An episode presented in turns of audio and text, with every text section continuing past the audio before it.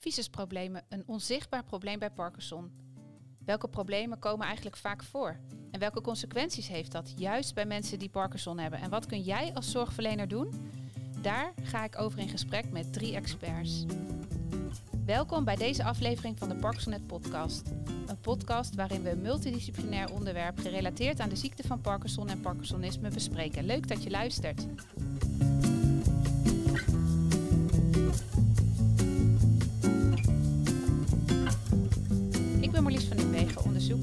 Fysiotherapie en oefentherapie op het coördinatiecentrum van Parkinsonnet.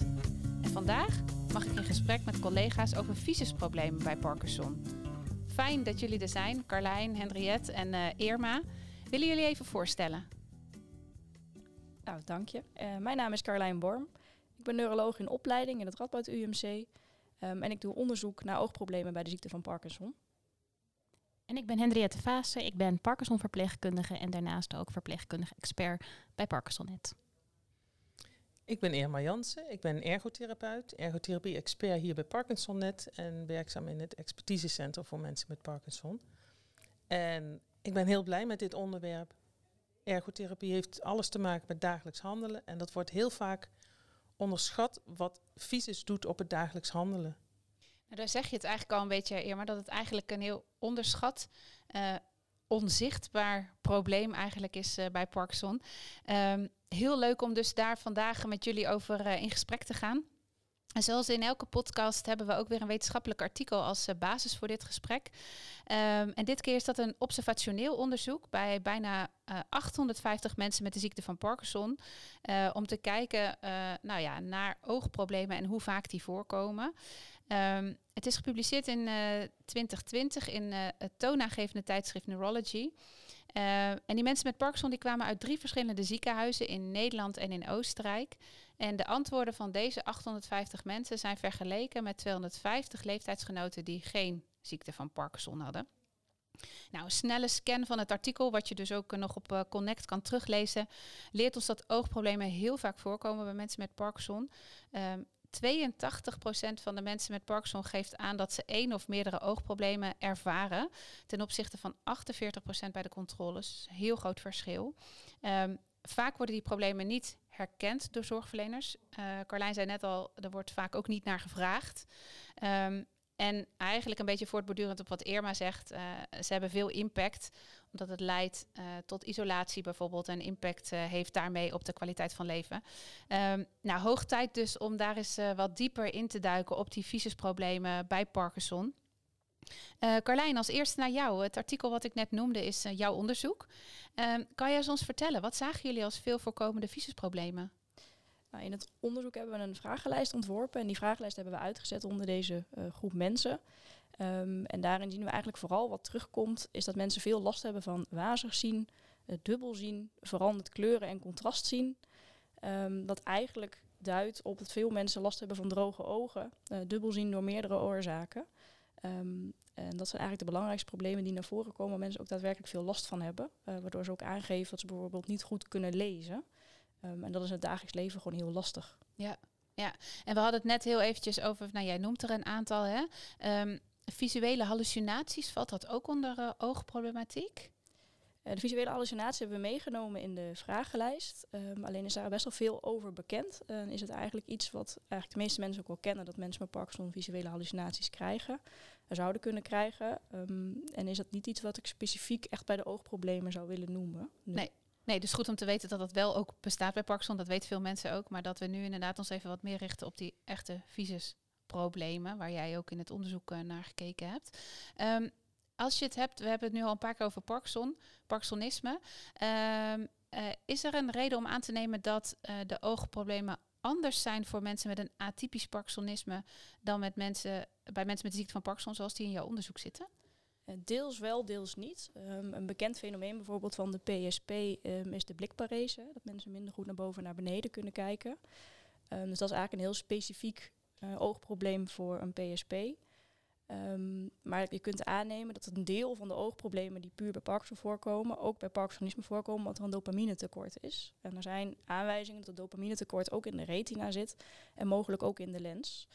Ehm, dus daar zal zeker overlap zitten tussen de verschillende types van Parkinson. Ja, dus zowel bij atypisch Parkinsonisme als bij de ziekte van Parkinson eh, spelen visusproblemen zeker een rol. Dat verwacht ik wel. Ja, ja. Henriette, Irma, uh, Carlijn noemt zo wat, uh, wat voorbeelden. Um, herkennen jullie dat uit de praktijk? Jullie zien veel mensen met uh, de ziekte van Parkinson?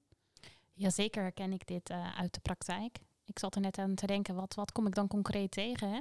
Nou, wat ik tegenkom is als mensen al visusklachten hebben en bijvoorbeeld net bij een opticien zijn geweest voor een nieuwe bril, dat ze bij mij op de poli komen en dan zeggen, ik heb een nieuwe bril, maar ik zie nog steeds niet goed.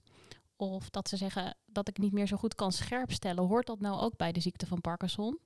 Of dat als ik er naar vraag, ik hoor dat er best wel vieze klachten zijn, onder andere ook dubbelzien. En dat er bijvoorbeeld net een agonist is gestart of medicatie tegen dyskinesieën. Um, waarbij het ook een bijwerking kan zijn. Dus ik kom het echt in heel veel verschillende facetten tegen. En hoe is dat voor jou, Irma?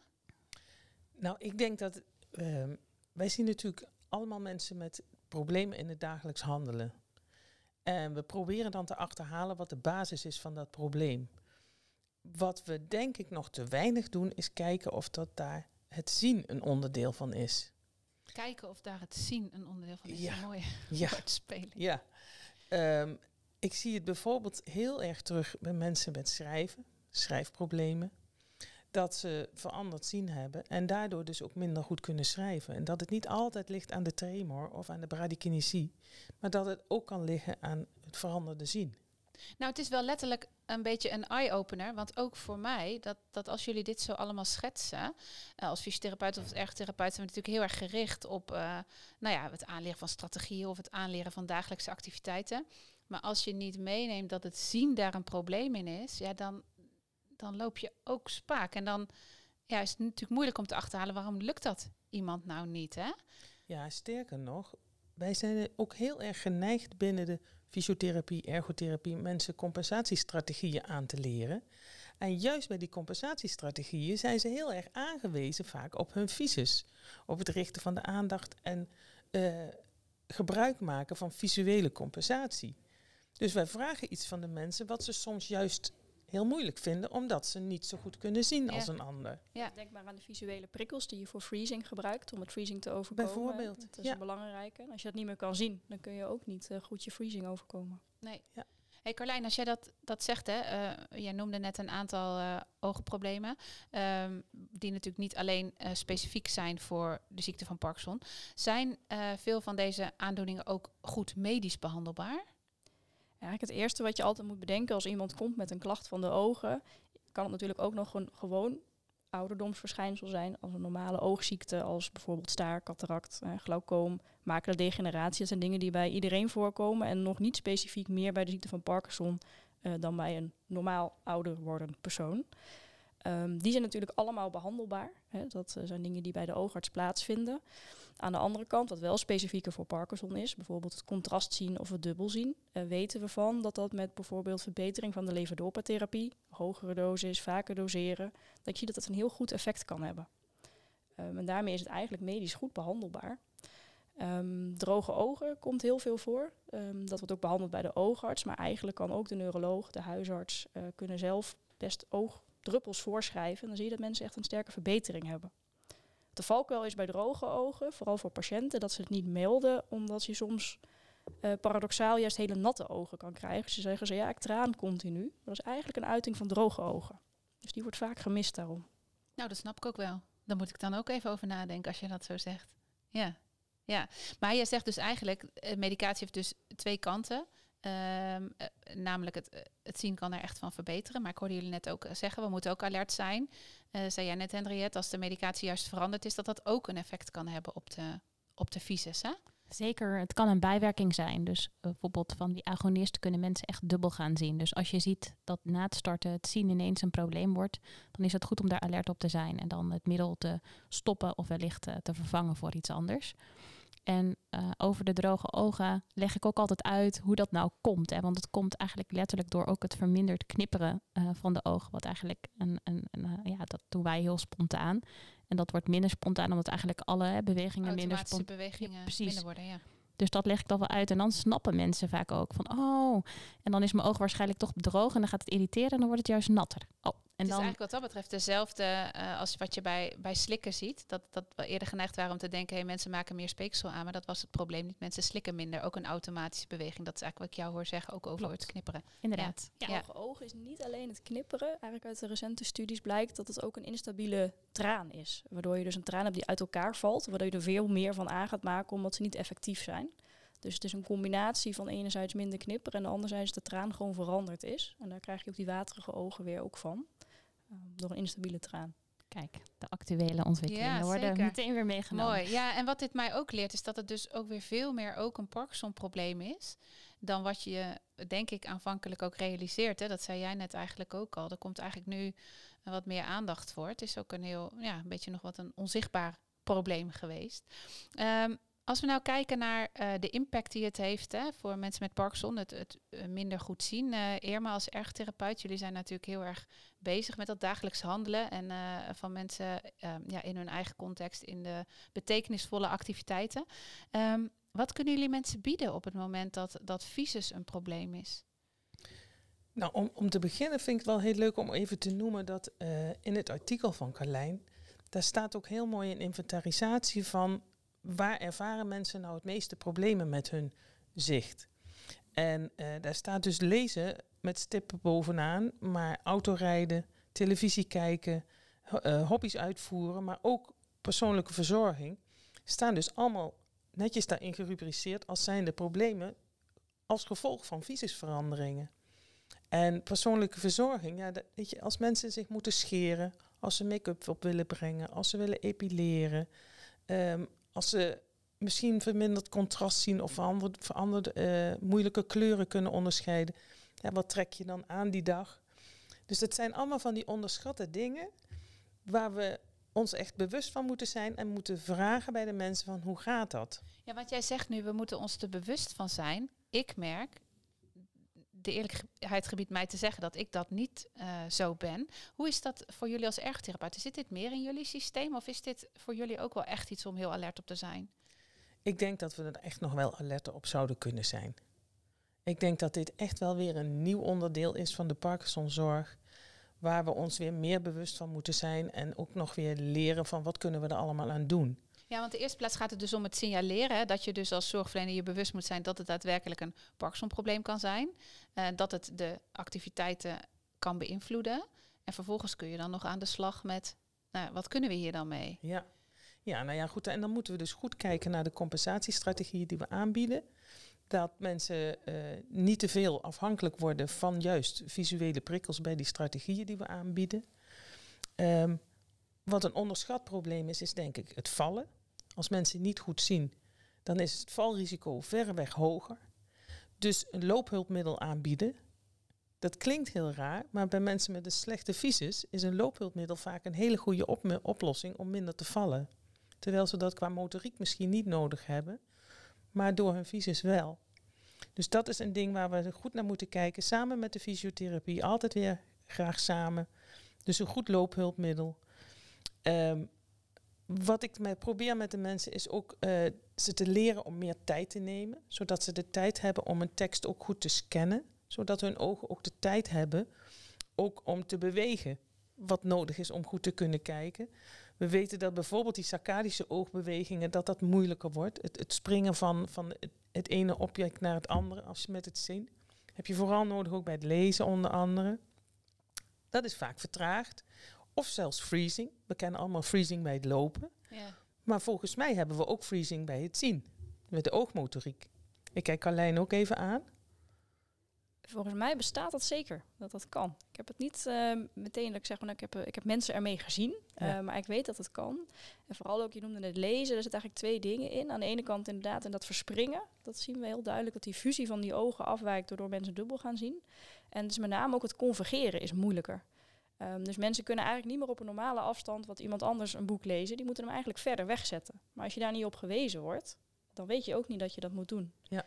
En, En, en dat is dus eigenlijk, eh, want dat, dat zie je sowieso ontstaan als mensen ouder worden, hè, of, een, of een leesbril of wat dan ook, hè, wat je dan nodig hebt. Maar dit omschrijf je dus echt ook als iets wat te maken heeft met Parkinson.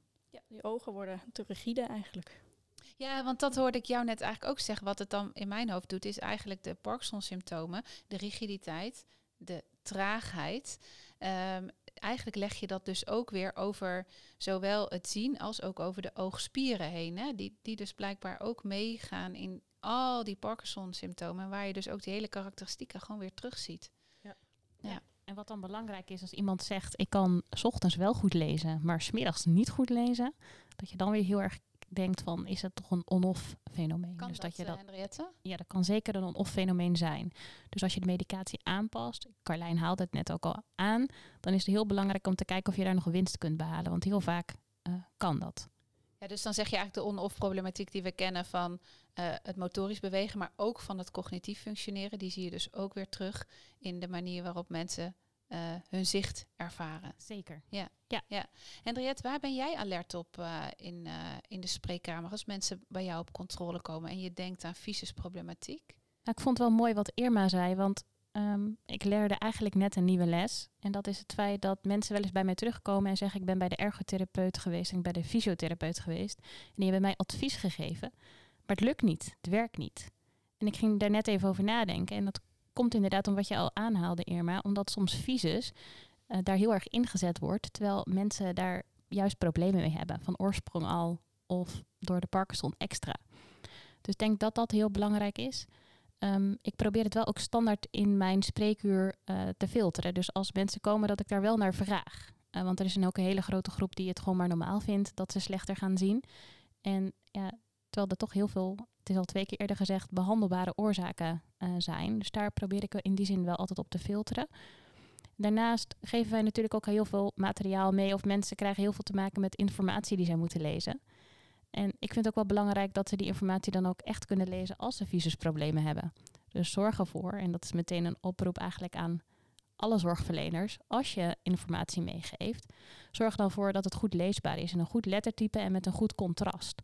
Want ik denk dat we daar veel te weinig uh, bij stilstaan bij een gekopieerd van een gekopieerd van een gekopieerd velletje. Dat gaat hem niet worden.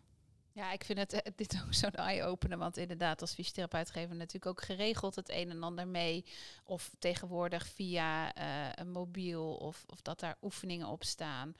Ja, en als inderdaad gewoon dingen als het de lettertype groot... en dan kan je op je schermpje nog wel een beetje dat in- en uitzoomen. Maar papiertje natuurlijk niet, of het contrast niet goed is, wat jij schetst... ja, dan gebeurt er natuurlijk helemaal niks. En is nog frustrerend uh, ook. Wat kun jij je daarover meegeven, Carlijn, als je het hebt over oogproblematiek? En wat zou je aan zorgverleners kunnen meegeven? Ik denk dat het vooral belangrijk is het signaleren. Weten dat het bestaat, het benoemen bij patiënten en het routinematig eigenlijk opnemen als een non-motor in je dagelijkse routine. Als jij jaarlijks gewoon aan de patiënt vraagt, goh, gaat het zien? En dat kun je dan uitdiepen uh, met hoe zie je dubbel, zie je wazig, hoe gaat het over de dag heen? Het hoeft niet heel uitgebreid, maar gewoon het is aankaarten. Dan denkt de patiënt, hey, hoort dit bij mijn ziekte? Kan dit bij Parkinson? En maak je het bespreekbaar. Dat is denk ik de eerste stap die we zouden moeten doen in de signalering. En dan is de vervolgstap, moeten mensen met ziekte van Parkinson om de zoveel jaar door de oogarts gezien worden? Moeten die gescreend worden? Uh, is dat nuttig? Dat, dat zijn nog vragen die denk ik wel beantwoord moeten worden. Dat zou wat mij betreft uh, misschien in ieder geval in één, één keer in het leven van iemand met de ziekte van Parkinson zou ik zeggen, je moet naar de oogarts voor een uitgebreide screening. Ja. Los van alle superhandige tips die de ergotherapeut je kan geven, die echt goed, heel makkelijk inzetbaar zijn en kunnen helpen. Ja, heb je daar nog iets op aan te vullen, Irma? Ik zie jou kijken, ja. Ja, nou, ik denk dat we er ook heel snel van uitgaan dat mensen het zelf wel oplossen. Dat, ze denken, dat je denkt van, nou, ze passen de verlichting wel aan. Maar dat gaat vaak niet vanzelf. Uh, dat mensen een pauze in, kunnen lassen tijdens het lezen en daarmee even hun ogen rust geven en opnieuw starten, doen ze niet vanzelf.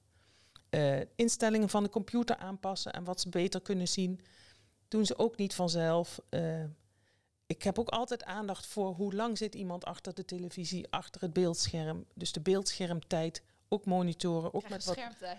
Nou ja, ja, weet je, ja, dat, dat haakt ook aan op wat Henriette ook al zei. Mensen zijn vaker vermoeid, hebben ook een, een on-off uh, fenomeen vaak. Dus daar kunnen we ook heel erg veel aan doen. Dus ja. dat je mensen adviezen geeft en leer ze ook gebruiken. Leer ook de hulpmiddelen die je adviseert gebruiken. En als je dagindeling dingen verandert, leer ze dat toepassen. En ga er niet vanuit dat dat allemaal vanzelf wel goed gaat. Ja, Nou, dat is denk ik een mooie aanvulling die eigenlijk altijd voor de interventies opgaat, maar heel, heel specifiek. En dat haakt ook aan wat jij net zei, Henriette. Je kunt oefeningen meegeven, maar als mensen het volgens niet kunnen lezen, ja, dan houdt het al op. Hè. En als ze niet in staat zijn om dat thuis dan om te bouwen naar hun computer, oh, naar de stoel waar ze televisie kijken, om daadwerkelijk nou, goed te kunnen zien of ook even rust te kunnen nemen. Ehm, ja, heel goed om dat, daar ook iedereen weer even bewust van te maken. Ehm, juist misschien wel bij, uh, bij Parkinson. En Irma, zou je adviseren om op huisbezoek te gaan om dit soort dingen samen met de patiënt te installeren? Doe jij dat? Zeker, zeker. Ja, dat is een beetje mijn manco misschien. Ik ga er altijd al van uit dat we aan huis behandelen. Bij ergotherapie staat het ook in de richtlijn als sterke aanbeveling binnen de context te behandelen. Dus waar mensen het probleem hebben, daar moet je het oplossen, omdat ze minder goed generaliseren. Maar ik denk juist inderdaad voor als je het hebt over die visusproblemen, waarvan we inderdaad in die hele lijst van Carlijn zien dat het allergrootste deel eigenlijk problemen oplevert thuis, in die eigen context. Ja, dat, dat je echt als zorgverlener, als je kan en je werkt in de eerste lijn, ga inderdaad echt aan huis om, om dit in uh, kaart te brengen. Um, veel besproken, veel geleerd. Ja, visusproblemen zijn een Parkinson-gerelateerd probleem. Een groot deel is goed te behandelen. Maar signaleren is heel erg belangrijk, omdat we het toch heel vaak met z'n allen over het hoofd zien. Dus inderdaad een oproep aan alle zorgverleners om ook hier, ja, ook hier weer alert te zijn op wat er kan spelen bij mensen met Parkinson. Um, heel erg bedankt voor het delen van jullie uh, kennis.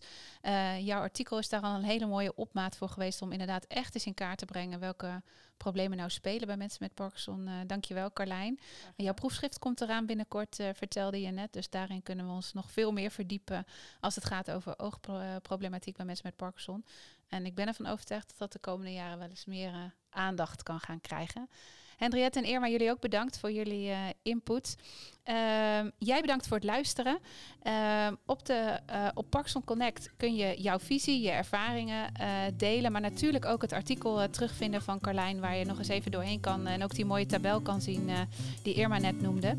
Ehm, de podcast is te beluisteren via je favoriete podcast app. Dankjewel voor het luisteren en tot de volgende keer.